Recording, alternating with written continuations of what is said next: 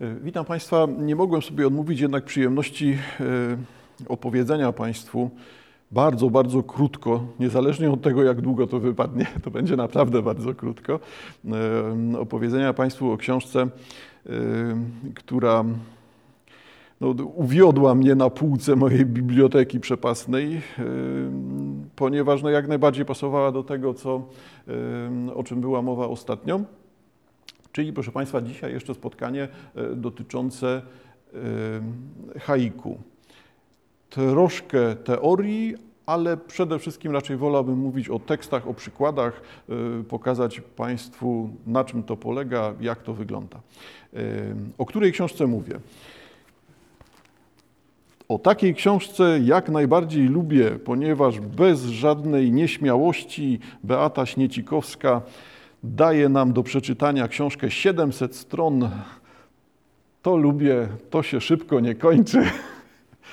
I jest to też w miarę dokładne i rozwojowe, i potężny warsztat. Zresztą trudno się dziwić, e, świetna publikacja. E, książka Beata, Beaty Śniecikowskiej, Haiku po polsku, genologia w perspektywie transkulturowej. E, ta perspektywa transkulturowa, no niech nas nie zachęca, ani określenie genologia. Nie musimy zanurzać się w te szczegóły, jeżeli nie chcemy. Y, wszystkie te rozważania już ściśle mm, naukowe, genealogiczne czy transkulturowe y, będą się pojawiały w przypisach. Wobec tego, jeżeli taki normalny czytelnik sięga po taką książkę, to może nie czytać przypisów, które bardzo często zajmują pół strony. Wobec tego nie zniechęcajmy się. Jeżeli odejmiemy przypisy, to ta książka wcale nie ma 700 stron. Tak na pocieszenie dodam, bo ten warsztat naukowy jest rzeczywiście tutaj potężny, wspaniały, nie, nie ma o czym mówić. E, czyli Beata Śniecikowska proponuje nam zrozumienie haiku, na czym to haiku polega, ale jednocześnie proponuje nam spojrzenie na haiku e, zwracające na to uwagę, czy zwracające naszą uwagę e, na to, e, jak bardzo splatają się tutaj ujęcia e, różnych kultur. I tu, proszę Państwa, widoczna cała trudność z bardzo malutkimi wierszami japońskimi, jakim jest haiku, będzie polegała na tym, że, że przecież jest to inny język, inny zapis, inny pomysł na zapis, wobec tego, jak to wszystko przetłumaczyć, jeżeli mamy inną historię, inną kulturę, inny sposób myślenia w języku, wobec tego przeszkody są tak wielkie, że wszelkiego rodzaju przybliżenia wierszy japońskich, czy przybliżenia kultury japońskiej szerzej nam, żyjącym w Polsce, no, będą zawsze bardzo dużymi przybliżeniami, będą wersją własną kogoś, kto nam o tym opowiada. No ale może też nie, nie warto się w to zakopywać, po prostu zdawajmy sobie z tego sprawę. E, powołuje się e, autorka na książkę e, Welsha Tożsamość w, oboce, w epoce globalizacji. Cytat z publikacji Welsh. Jakie elementy odpowiadają za nasze kulturowe uformowanie? Wśród ludzi wykształconych y, nie są to tylko elementy ich rodzimej kultury, ale także kultur obcych. Grecka filozofia, południowoamerykańska literatura, japońska sztuka, by posłużyć się raptem kilkoma przykładami, miały e, znamienny wpływ na mój rozwój. E, tak jak niemiecka bądź francuska filozofia, chińska lub rosyjska literatura oraz sztuka wszystkich kontynentów miała prawdopodobnie wpływ na wasz rozwój, odciskając wyraźne piętno na waszym światopoglądzie i sposobie myślenia. Transkulturowe tożsamości, choć różne w wielu aspektach, posiadają także często pewne elementy wspólne. To pokrywanie się elementów zapewnia podstawę do wymiany, rozumienia i przekazywania wzajemnie poglądów. Stąd jednostki o tożsamości transkulturowej są zdecydowanie bardziej zdolne do przenikania się i do tolerancji niż jednostki monokulturowe były kiedykolwiek. E, I to, proszę Państwa, tylko tytułem zachęcania do tego, że trzeba na tą wielokulturowość być otwartym. E, my, szczególnie w Polsce, przed tą wielokulturowością ucieczki żadnej nie mamy, bo nie chcę do znudzenia ciągle tych otwartych drzwi wyważać. E, no, tym niemniej w dwóch zdaniach, no, proszę Państwa, no, Polska, czyli co naraz, tak? Zostawmy już w spokoju te pierogi ruskie, czy one są ruskie, czy nie ruskie. E, no ale na cokolwiek spojrzymy, to okazuje się, że wszędzie będzie wychodziła kultura innego narodu, czyli wpływy litewskie, białorusińskie, ukraińskie, słowackie, czeskie, niemieckie, żydowskie. I chyba kolejność jest odwrotna, teraz powinienem zacząć od żydowskich, najbardziej widocznych w kulturze polskiej, y, to pokazuje, że szczególnie my jako Polacy jesteśmy z definicji otwarci na wielokulturowość, bo ona jest wszędzie widoczna. Szable mamy tureckie, mieliśmy jako szlachta tureckie, a stroje mieliśmy poskładane skąd się tylko da, i francuskie, i tureckie, i wszystko to nosiliśmy i do dzisiaj pamiętamy jako polskie. A nasz największy poemat Litwo, ojczyzno moja też wiele wyjaśnia. Wobec tego z naszego punktu widzenia ta transkulturowość współistnienie, wpływy kultur w ujęciu globalnym e, są czymś oczywistym. E, ciekawy przykład pojawia się również e, w tej książce Tożsamość w epoce globalizacji, taki przykład z życia. Autor Welsh podaje anegdotę. Cytuję tą anegdotę: Doświadczenie transkulturowości w Japonii. Drugiego dnia mojego pobytu w Kyoto moi japońscy koledzy zaprosili mnie do typowej japońskiej restauracji. Wszystko tam miało być oryginalnie japońskie. Na wejściu restauracja zrobiła na mnie jak najlepsze wrażenie. Niemniej nie sposób było nie zauważyć stojących wszędzie dobrze mi znajomych krzeseł. Dokładnie takie same stoją w moim domu w pokoju jadalnym i wiem, że są one europejskie. Zapytałem więc kolegów, czy naprawdę byli dotąd przekonani, że wszystko, co się tu znajduje, jest rzeczywiście oryginalnie japońskie, łącznie z krzesłami, na których właśnie siedzimy. Byli zaskoczeni pytaniem, nawet trochę zmieszani, w końcu pospiesznie zapewnili mnie, że wszystko tutaj, łącznie z tymi krzesłami, jest jak najbardziej japońskie. Były to jednak krzesła modelu CAP projektu e, Mario Belliniego, wyprodukowane przez firmę Cassina w Mediolanie.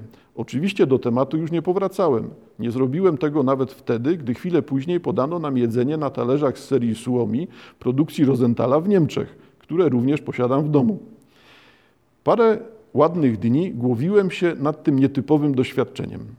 To, co w nim było niesamowite, to oczywiście nie samo pojawienie się europejskich mebli i zastawy w japońskiej restauracji, ale raczej to, że moi japońscy koledzy uznali te przedmioty za oryginalne produkty ich własnej kultury. Jak mogli nie wyczuć, że są one obce? Jak mogli czuć i myśleć, że te obce w istocie przedmioty są częścią ich rdzennej kultury? I tu pojawia się transkulturowość widziana po przeciwnej stronie globu.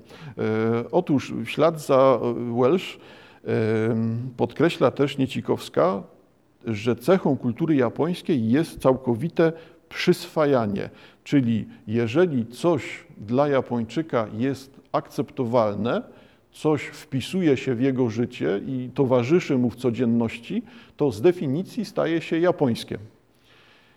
I dlatego mój przykład y, z poprzedniego naszego spotkania dotyczący Chopina y, też dużo tłumaczy. Dla Japończyka prawdopodobnie Chopin nie jest człowiekiem z zewnątrz. Chopin jest elementem kultury japońskiej, ponieważ jako przyswojony, rozpoznawalny, y, lubiany pojawia się jako coś rdzennego, a nie jako coś obcego. Jest to ciekawa sytuacja, w której widać, czym jest transkulturowość i czym jest kultura współcześnie. Proszę zauważyć, że wychodzi z tego bardzo ciekawa rzecz, czyli mamy do czynienia nie z przenikaniem się obcych kultur, tylko mamy do czynienia z sytuacją taką, w której wszystkie kultury zaczynają na siebie oddziaływać, y, splatają się z sobą, łączą, wpływają i stają się jedną kulturą. No jesteśmy jakby tłumacze globalizację, może niepotrzebnie, nie? No ale tłumacze globalizację jako proces trwający. Może doczekamy się pełnej globalizacji, wszyscy będziemy mówili jednym językiem i żyli w jednej kulturze, no ale nie wiem, czy nastąpi to za lat 50 czy 500. Wobec tego y, nie, nie zanurzajmy się już w te szczegóły, dywagacje tego typu. Y, proszę Państwa, y, Śniecikowska rozwijając ten sposób myślenia, e, swój sposób myślenia o haiku, swój sposób e, budowania opowieści przystępnej dla e, czytelnika europejskiego czy czytelnika polskiego, sięga do Rolanda Barta. Roland Barth proponuje następujące rozumienie haiku. Za chwilę zresztą zderzę to też z polskim przykładem. Cytat z Rolanda Barta. Mm, mówimy tutaj o książce Imperium Znaków. Trafność haiku, która nie jest dokładnym odmalowaniem rzeczywistości, ale całkowitą zgodnością signifiant signifie, usunięciem marginesów skaz i rys, które zwykle przekraczają lub dziurawią relację semantyczną, trafność ta ma oczywiście w sobie coś muzycznego, muzykę sensów, a niekoniecznie muzykę dźwięków. Haiku ma czystość, sferyczność, nawet pustkę sferycznej nuty. Nic specjalnego, mówi haiku zgodnie z duchem zen. Zdarzenia nie da się nazwać według żadnego gatunku. Jego wyjątkowość nagle wygasa. Niczym kokarda haiku owija się wokół samego siebie, jak znak śladu, który wydawał się istnieć, a uległ zatarciu. Nic nie pozostało, kamień słowa wyrzucono na próżno. Ani fal, ani przypływu sensu. Tak, Barta, szczególnie tutaj w tłumaczeniu dziadka, warto rzeczywiście e, czytać, bo to jest bardzo eseistycznie wszystko napisane. Jakby widać nie tylko e, o co chodzi, ale pojawia się też i jak najbardziej literackość tego typu wypowiedzi. Ale to na marginesie. E, zanim sięgniemy do Zen, proszę Państwa, proszę pamiętając o tej wypowiedzi Barta, posłuchać jeszcze jednego fragmentu. Otóż sięgam do wprowadzenia, które zamieścił Czesław Miłosz w swoim zbiorze tłumaczeń e, haiku. E, bardzo ciekawa książka Miłosza, pod tytułem haiku oczywiście. E, mam akurat w ręce wydanie z Biblioteki na Głosu, Kraków 92 rok. Miłosz tłumacząc haiku nie tłumaczy tylko tylko tekstów rdzennie japońskich, nie tłumaczy tylko tekstów ojców założycieli tego gadunku, y, tylko y, tłumaczy teksty wędrując również po kontynentach, trafiając do Starego Świata, czytając teksty kanadyjskie, teksty ze Stanów Zjednoczonych, bo w haiku jest czymś istniejącym globalnie. Haiku jest czymś na tyle kuszącym, że e, masę ludzi sięga, para się tym, stara się coś takiego e, pisać, albo stara się przynajmniej odwoływać do tych tradycji japońskich, przetwarzać te tradycje, pisać je na nowy sposób. To e, bardzo otwarta sprawa. Oczywiście, że mój wniosek i wniosek pewnie części z Państwa jest taki, że e, skoro produkt jest masowy, no to czy, czy on dalej jest produktem artystycznym, czy e, przypadkiem ta masowość haiku i wszelkiego rodzaju gazety, periodyki, ilości publikacji własnych ludzi tworzących te drobiazgi, te, te błyski, liryczne, y, czy to nie przeradza się w grafomanię, no, czy to nie jest coś, co jest mm, triumfem ilości nad jakością. Y, no ale zostawmy to, nie warto się na tym zastanawiać. Na pewno w tym ogromie tekstów powstaje też dużo tekstów ważnych, istotnych. Rozpoczyna natomiast Miłosz swoją antologię tłumaczeń haiku od wskazania na swoje zderzenie, wskazania na swój kontakt z poezją tego typu i tłumaczy się również z fascynacji e, samym haiku. Mm, cytuję początek wprowadzenia Miłosza do tego tomiku. W Warszawie za niemieckiej okupacji odwiedzałem Leopolda Staffa. Miły i przyjazny był otwarty na wiersze młodszego od siebie poety, który odnosił się z krnąbnym nieco szacunkiem do autorytetu pamiętanego z lektur szkolnych. Mniej więcej w tym samym czasie, choć bodaj to był już koniec roku 1942, kupiłem na straganie tomik jego przekładów pod tytułem Fletnia chińska. Książeczka ta, wydana w roku 1922, stanowi jedną z licznych pozycji przekładowych Staffa, który poruszał się swobodnie w niemieckim, włoskim i francuskim. Fletnia chińska jest wiernym przekładem zbiorku ułożonego przez Franza Toussaint, wydrukowanego w 1920 roku w Paryżu. Tak ważne było dla mnie wtedy spotkanie z tą poezją, że jestem do dziś wdzięczny za to Staffowi, może nawet więcej niż za jego piękne późne wiersze. Poezja starochińska wypracowała w ciągu wieków rygorystycznie przestrzegane formy, obce językom europejskim. To też przekłady nie próbują nawet tej formy odtworzyć i korzystają ze swobód właściwych poezji nowoczesnej albo wręcz stosują prozę. Podobnie jak jej francuski pierwowzór, fletnia chińska składa się z krótkich poematów prozą. Przerwę. I tutaj Państwo widzicie już, na czym polegają te kłopoty z przekładami, kłopoty z przekształcaniem języka na język.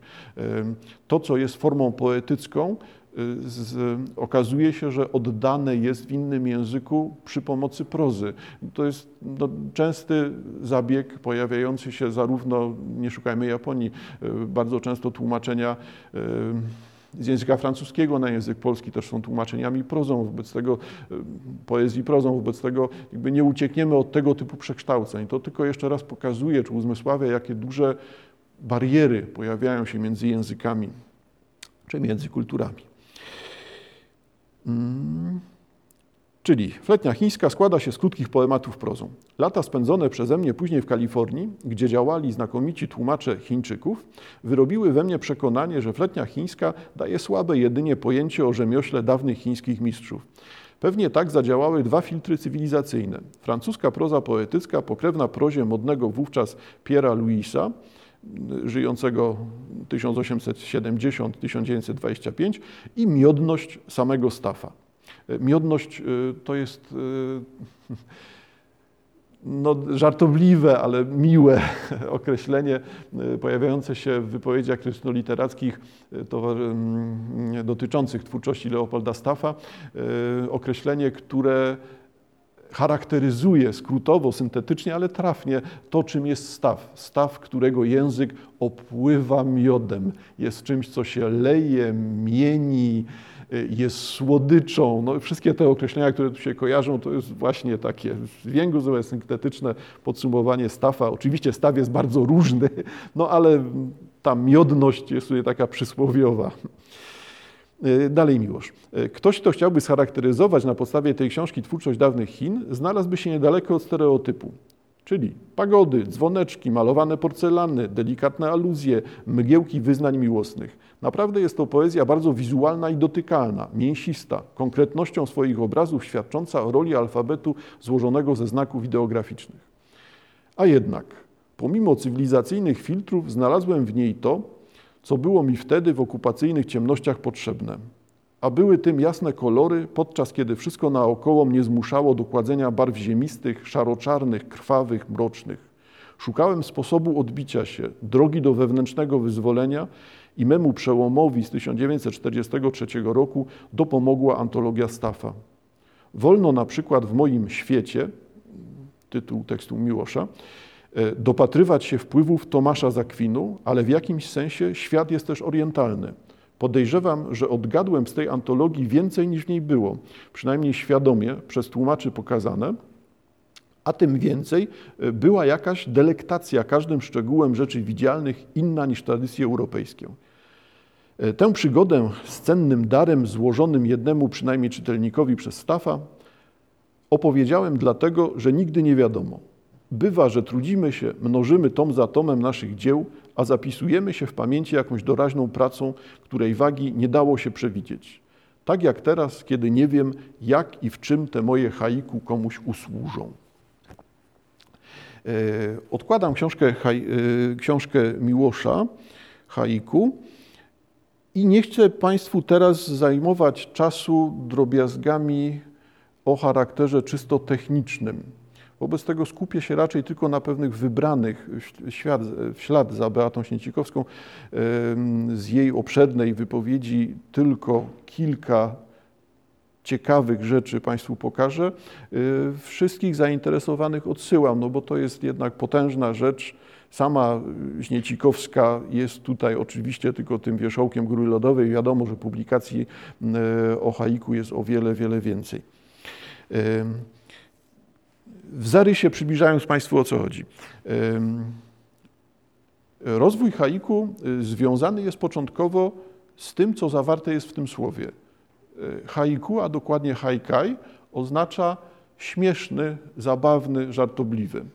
Teksty haikai były tekstami pisanymi dla żartu a bardzo szybko okazało się, że żarty te przeradzają się w czymś, czym jest japońska renga. Renga, czyli rodzaj wypowiedzi pojawiający się w czasie zawodów poetyckich, w czasie pewnej gry.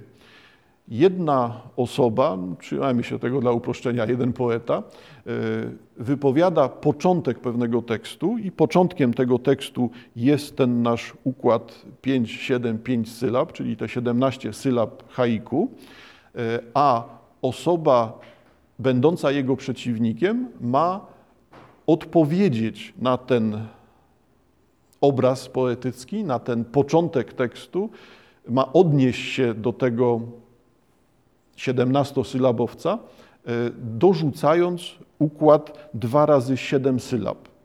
Jest to rodzaj odpowiedzi. Tego typu gra poetycka, która polega na tym, że dwóch ludzi bądź więcej osób tym uczestniczy i każda z nich kontynuuje, każda z nich odpowiada na początek tekstu, e, podkreśla, na początek tekstu przeciwnika, e, podkreśla ten wymiar zabawowy, czyli pierwotnie haiku, to haikai, były to formy jak najbardziej żartobliwe, rodzaje gry towarzyskiej, albo jeżeli chcemy, no to rodzaje turniejów poetyckich popisania się umiejętnościami. Im lepsza puenta, im lepsza kontra, tym lepiej brzmi tym lepiej wypada nasza pozycja. tak zróbmy. Jednak z upływem czasu haiku, czyli ten element startowy, 17 pierwszych sylab z tą trójczęściową budową, e, uwolniło się e, od uczestniczenia w grze, wyodrębniło się i nagle pojawia się haiku, które istnieje samodzielnie. Haiku Y, w tej samodzielnej postaci, czyli 17 sylab 575, y, wywodzi się, czy raczej kariera tego typu rodzaju, tego typu wypowiedzi y, ma, zdaniem Śniecikowskiej, to się pojawia też w innych publikacjach, związana jest z zen.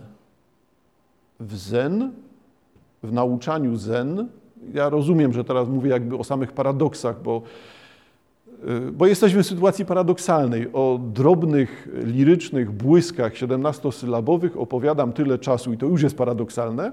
Na dodatek jeszcze powołuje się na religię, no, która nie jest religią, zen. Y, na dodatek, y, jeżeli jest już światopoglądem, zbiorem wartości, no czy jednak powiem religią, no to jest religią uciekającą od rozumu i uciekającą od języka aby uwolnić się od tych balastów racjonalizacji, od tych balastów ciągów przyczynowo-skutkowych, od logiczności, na którą cierpimy jako ludzie, bo, bo musimy sobie dawać radę w życiu, a to wymaga tego, żeby reagować na bodźce.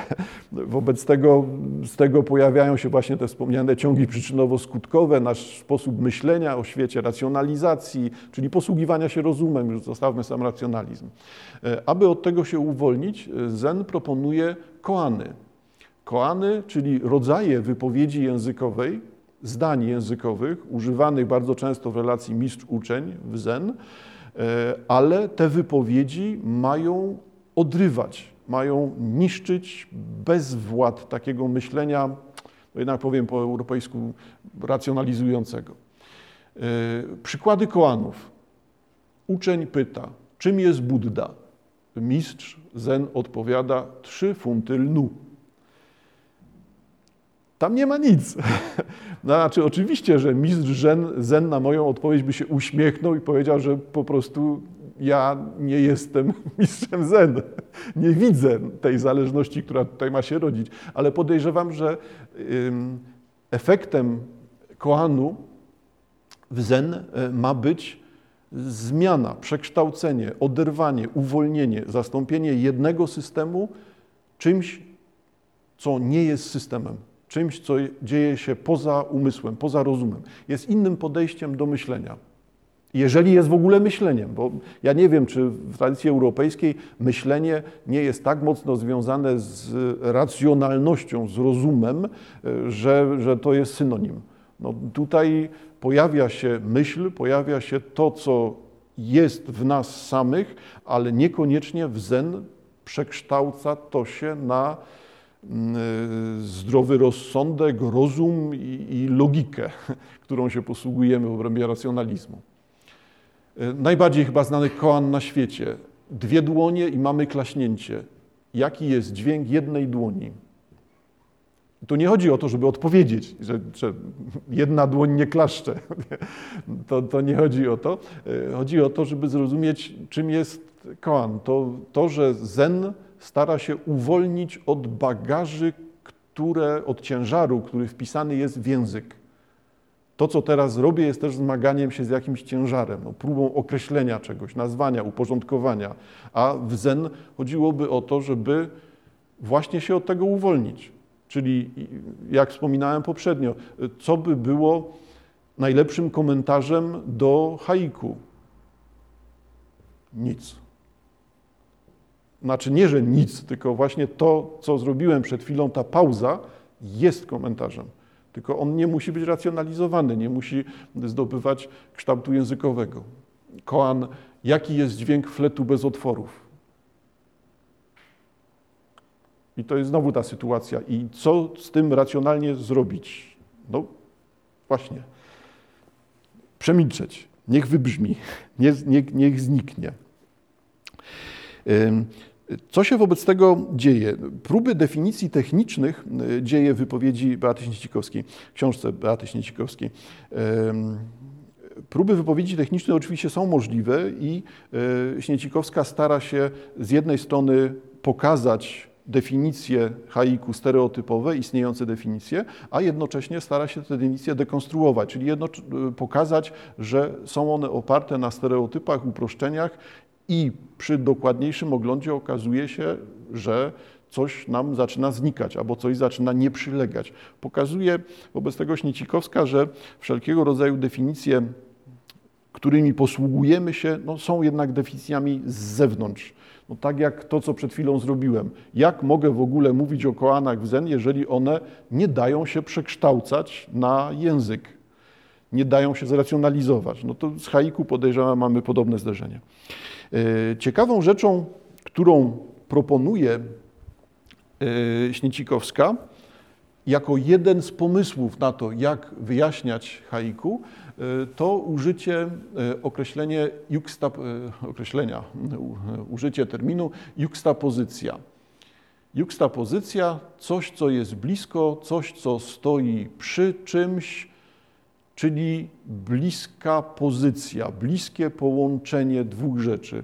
Ta juxtapozycja może być tłumaczona jako środek poetycki zestawiający dwa różne obrazy poetyckie. I może na początek najlepiej byłoby popatrzeć na haiku właśnie w taki sposób, rozumiejąc, że to wywodzi się z bardzo żartobliwych wypowiedzi i ślady śmieszności i żartów w haiku są bardzo widoczne, to patrząc na haiku, odkrywajmy zarówno to pochodzenie zabawowe, żartobliwe tekstów tego typu, e, ale zauważmy, że cechą wyróżniającą bardzo dużą część tych utworów poetyckich jest posługiwanie się dwoma obrazami, zderzanie dwóch obrazów po to, aby pokazać palcem, skierować, wywołać to przemilczenie, w którym ma się pojawić coś w głowie, teraz chyba upraszczam dalej, e, coś w głowie czytelnika. Dwa obrazy mają nas prowadzić w to miejsce, jaki jest dźwięk jednej dłoni, czyli to miejsce, które ucieka przed racjonalizacją. Ta justapozycyjność jest rzeczą ciekawą. Brzmi to rzeczywiście, znaczy rzadko się pojawia chyba, tak intuicyjnie odpowiem, e, jako coś, co komentuje mm, twórczość poetycką europejską. E, no a tutaj e, no byłoby jednym z kluczy, oczywiście wielu, tak, ale z jednym z kluczy pokazujących, czym może być czytanie haiku, poznawanie haiku. Przykłady e, haiku Kobayashi Isa. I zwróćcie Państwo uwagę na to, że celowo tutaj w ślad za autorką e, cytuję te teksty, które podkreślają to żartobliwe pochodzenie haiku, tą lekkość haiku. Tylko oczywiście ona może być pozorna, albo może być tylko prowokacją, albo może nas prowadzić w stronę takich e, erotyczno-cielesnych e, rzeczy. Posłuchajmy.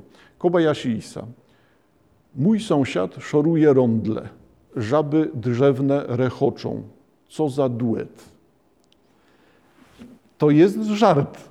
Żart, ponieważ ten duet zaczyna nam brzmieć y, no, ironicznie, jeżeli chcemy tutaj widzieć ironię.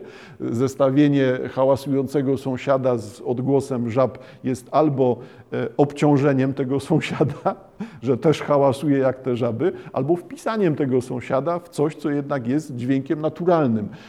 Ten duet może być ironią, ten duet nie musi być ironią, to nie musi być obraźliwe dla tego sąsiada. No ale dalej czytajmy. Kobayashi Isa. Tam deszcze wiosenny ogień, jak ja ciekawy, garnkowego zatka. Oczywiście znowu mamy te kłopoty z tłumaczeniami, kłopoty z oddawaniem zmiany obrazów w przekładzie. E, czyli z jednej strony e, mamy przywołaną wodę, wiosnę, ogień, i te elementy mają nas prowadzić do dna garnka. Skoro ogień jest ciekawy dna garnka, ma je ogrzewać, ma być blisko tego dna, tego zatka garnka, no to w tym momencie, e, jak ja jestem ciekawy też tego dna. Te wieloznaczności, które tu się pojawiają, są celowe. Oczywiście żartobliwe jest tutaj wprowadzenie tego tego, przynajmniej tłumacz zdecydował się na wprowadzenie tego brutalizmu, niech będzie w postaci zatka. E, Kobayashi Isa. Chłopek pokazuje drogę rzodkiewką. Sama sytuacja jest znowu podkreśleniem żartu, tak? bo rozumiemy sytuację, e, powiedzmy, narracyjną, tą obrazową w tekście. E, chłop pytany o drogę, pracujący na polu, wyrywający rzodkiew, pokazuje, w którą stronę ma iść ta osoba pytająca, e, wskazując to ręką, w której trzyma też tą rzodkiewkę. Żartobliwe jest tutaj to, że że pojawia się to złamanie jakiejś konwencji obyczajowej, e, ale pojawia się również coś, co jest godne podkreślenia, docenienia, pokazania tego na pierwszym planie, e, bo to, że on pokazuje tą, wyciąga tą brudną rękę z rzodkwią i pokazuje czubkiem tej rzodkwi kierunek, no to teraz zabrzmiało w mojej wypowiedzi tak, jakby to było coś niegrzecznego. No, a w rzeczywistości odwracamy sytuację. No, niegrzeczne jest samo pytanie, a wartościowe jest to, co jest zajmowaniem się ziemią i, i tym, co nam ziemia daje. Także jak widać, napięcia są takie podobne, jak to w haiku. E, Kobayashi Isa też, szmerdziki gęsi, czyżby plotkowały na mój temat. I to jest też rodzaj żartu, tak? doszukiwanie się w odgłosach natury czegoś, co jest związane z moim życiem, jest żartem. E, kilka przykładów Basio. E, z wieczornym powiewem woda opływa nogi czapli. I tu Państwo zauważcie, że mamy do czynienia z takimi podstawowymi zabiegami czy trwalonymi przez tradycję zabiegami. Haiku bardzo często określa porę dnia, haiku bardzo często korzysta ze znaków w języku japońskich jednoznacznie kojarzących się z porą roku i to określenie e, pory roku jest też ustalone w metaforyce haiku. Zwykle haiku dotyczy obrazu, pory roku, pory dnia, tego co widać i umiejscowienia kolejnego obrazu, zderzenia dwóch obrazów. I to jest ta, ta juxtapozycyjność, zderzanie dwóch obrazów. Z wieczornym powiewem woda opływa, nogi czapli. Mamy porę, mamy przywołany obraz wody i wody opływającej nogi czapli. I teraz w ślad za tym koanem zenow, zen e, pojawia się to samo. No i co? No i właśnie haiku kieruje nas do tego, co jest doświadczeniem, przeżyciem, ale nie musi być wcale werbalizowane. Stąd jest to właśnie ciekawa rzecz, że y, haiku tak popularne wygląda na tak prostą formę wypowiedzi, no to jednak dobre haiku jest, y, jest czymś, co się wymyka. Wymyka językowi, wymyka racjonalizacji, jest tylko pokazaniem kierunku. Jest, chociaż nie wiem, czy już nie przesadziłem, jest tylko sugestią.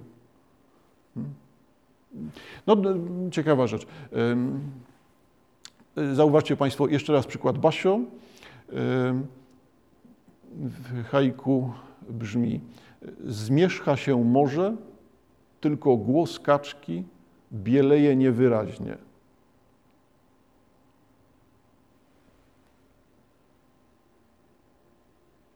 I ja to zostawię, a sięgnę tylko do jednej rzeczy tutaj. Pokuszę się o coś, czego zwykle nie robię, ale dlaczegoż, dlaczegoż by nie? Zmierzcha się może, tylko głos kaczki bieleje niewyraźnie. Tłumacz zdecydował się na dwa e, obrazy, czyli mamy przed sobą określenie pory, określenie dźwięku i określenie barwy. Czyli mamy głos zderzony z tym, że bieleje. Tego typu różne obrazy mają wywoływać ten kolejny. Wobec tego, czy tym kolejnym obrazem tutaj jest e, odchodzenie, przemijanie, ulotność, znowu niewyrażalność pewnych doświadczeń, no pewnie wszystko to naraz, sprawa po stronie czytelnika. Y, kiedy parę dni temu w czasie podróży rozmyślałem o tym, jakiego przykładu tego zderzenia obrazów użyć, aby był on nie tak nam obcy, przypomniał mi się właśnie ten tekst Basio, który przed chwilą cytowałem. I zaproponuję haiku, tylko ono łatwiej będzie wyglądało w zapisie, stąd ja jednak e, zaznaczę, gdzie są znaki interpunkcyjne. E, haiku nawiązujące do tego tekstu Basio. Głos kaczki, cudzysłów, Karol Wojtyła urodził się w 1920 roku. Zamykamy cudzysłów. I teraz, I teraz, część z Państwa jest przekonana, że mam na myśli tutaj śmiałą polityczną prowokację łączącą osobę Karola Wojtyły z głosem kaczki, który też może się i kojarzyć wszystkim politycznie i nagle okazuje się, że proponuje dwa obrazy, e, które zaczynają wyglądać jak komentarz do tego, co się dzieje. Co tam pan prezes i jak to pan prezes z czego korzysta i kto go ma popierać i nie ma to jak podpisać się, przypisać, posłużyć e, nazwiskiem wielkiego Polaka. No, proszę bardzo wielość odczytań tych obrazów, którą chciałem Państwu teraz pokazać, polega na tym, że sytuacja, w której taki właśnie cytat, taki tekst, no nie jest cytat, taki tekst przychodzi mi do myśli, nam, e, przyszła mi na myśl, e, jest sytuacją całkowicie zwyczajną. Mm, otóż trafiam w poranek niedzielny do kościółka ukrytego w lesie, w środku wsi y, i tam jedyne co słyszę stojąc na zewnątrz, bo w środku już miejsca nie było, no to są odgłosy inwentarza. Wobec tego te odgłosy inwentarza, czyli głosy kaczki, Y, są czymś, co splata mi się i nie wiem, co jest na pierwszym planie, czy więcej głosów kaczek, czy więcej tego, co dociera do mnie przez głośniczek nad drzwiami tego kościółka. Y, I z tego głośniczka wybrzmiewa właśnie tekst czytany, dany przez biskupów z okazji stulecia urodzin Jana Pawła II. Y, wobec tego intencja tego tekstu absolutnie nie jest intencją polityczną, tylko właśnie jest intencją tego typu, jak u Basio. Dwie obserwacje, dwa doznania e, rodzą inne doznania, ale, ale ja się nie odcinam od tej polityczności. Pokazuję, że w przypadku nawet bardzo drobnych tekstów, tekstów poetyckich zakresy rozumienia czy sposoby rozumienia tych tekstów są bardzo różne Tradycyjnie powtórzę, tekst jest podatny na zdradę. Nie chodzi o to, co tam autor miał na myśli, tylko chodzi o to, co czytelnik z tego zrozumiał. I im więcej zrozumie, tym lepiej. Proszę Państwa, tylko wskazując na możliwości, temat już zostawię, e, oczywiście pełen wrażenia niedosytu, ale zdaję sobie sprawę z tego, że czas płynie nieubłagalnie. E, wobec tego tylko wskażę Państwu na to, e, co dalej pojawia się e, w książce Śniecikowskiej Haiku po polsku. No, obszerne części dotyczące zależności. Wpływy kultury japońskiej pojawiają się wraz z otwarciem Japonii w drugiej połowie XIX wieku na wpływy na świat. Zaczyna się wymiana handlowa no, wymuszona przez Stany Zjednoczone, ale jednak zaczyna się wymiana handlowa, intelektualna e, Japonii ze światem, e, czyli w Polsce pod koniec XIX wieku już będą pojawiały się i książki, i drzeworyty japońskie, i teksty po japońsku i tłumaczone z japońskiego. Wobec tego końcówka XIX wieku już będzie bardzo mocną obecnością kultury japońskiej w Polsce. Tak mocną obecnością, że możemy, i teraz sięgam jeszcze raz do Staffa, możemy jeszcze raz zauważyć, że tłumaczenie przez Staffa poetów chińskich, tu akurat, y, jest też tą, tym ukłonem, tym podkreśleniem w stronę tego, że w tamtym okresie e, ma literatura tego typu bardzo wielu czytelników. Wobec tego podobnie możemy poszukać zależności polsko-japońskich i możemy znaleźć je w wielu zaskakujących miejscach. Pewnie część z Państwa kojarzy teksty Krzak Dzikiej Róży Kasprowicza. Jeżeli przyjrzymy się obrazowaniu w tym cyklu sonetów, i zobaczymy, na czym polegają te migawkowe przebłyski, ujęcia obrazów róża, limba, głazy, mchy, wilgoć. Jeżeli popatrzymy na sposób obrazowania, to okaże się, że to jest coś, co przypomina haiku. Nie skrótem 17 e, e, formy, skrótem formy tymi 17 sylabami, tylko przypomina to sposobem obrazowania, gwałtowne, gwałtowne zderzanie z sobą obrazów, ta justapozycyjność, która tutaj się pojawiała. Czyli e, sięgając tylko do tego, a jeżeli byśmy popatrzyli dalej, e, no to następne stulecie, czy już ponad stulecie, będzie wypełnione zarówno tłumaczami haiku, tak jak Miłosz, czy tak jak Ryszard Krynicki, który też tłumaczy haiku na dużą skalę, e, ale tego typu zależności pomiędzy haiku a e, polską poezją e, znajdziemy w wielu innych miejscach. Śniecikowska oczywiście będzie podkreślała taką zależność ewidentną, krótkie, zwięzłe teksty Marii Pawlikowskiej-Jasnorzewskiej, na przykład z tomu Pocałunki, to też jest zaskakująco zbieżna relacja formalna bardzo te teksty Pawlikowskiej Jasnorzewskiej przypominają e, w budowie e, formę japońską. E, dalej już tylko nazwiskami Stern, Iwaszkiewicz, to dalej będą poeci, którzy no, no, przysłowiowo albo wprost, nawet nie chodzi o to, że się będą kojarzyć, tylko wprost będą odwoły, odwoływać się do formy haiku. Stern piszący wiersze, które sam nazywa haikai, tym brzmieniem wcześniejszym y, naszego terminu haiku. Y, Iwaszkiewicz piszący uty, czyli pieśni, jakby z tytułu, z założenia, y, teksty odwołujące się do tradycji pieśni japońskiej i tak dalej. Po drodze pominąłem Leśmiana, też oddającego hołd literaturze japońskiej, tu akurat Leśmian mamy zapisy, komentuje teksty japońskie, które zna e, z tłumaczeń rosyjskich, e, ale równie dobrze można wspomnieć o Przybosiu i chyba na tym już przerwę, żeby nie dochodzić do tych poetów, którzy dzisiaj wydają tomiki pełne haiku, jest tego dużo, to Przybość, bo Przybość z jego głównym założeniem najmniej słów jest jak najbardziej pisarzem odpowiadającym tej filozofii siedemnastozgłoskowca japońskiego. Najmniej słów, uciec od języka, uciec od słowa, pokazać coś minimalnym gestem, minimalnym minimalną ilością znaków, obrazów, słów pokazać coś, co da najwięcej treści. Wobec tego to hasło Przybosia najmniej słów, realizowane w całej jego poezji, pasuje, odpowiada filozofii krótkiej poezji japońskiej.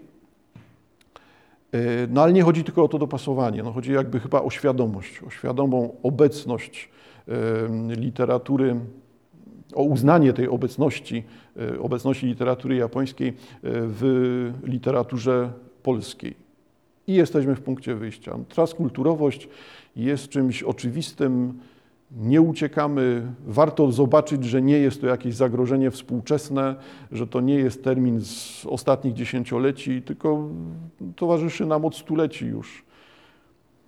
I Grecy, i Rzymianie, i wszystkie następne e, wielkie narody czy wielkie cywilizacje e, też e, żyły z tą świadomą transkulturowością.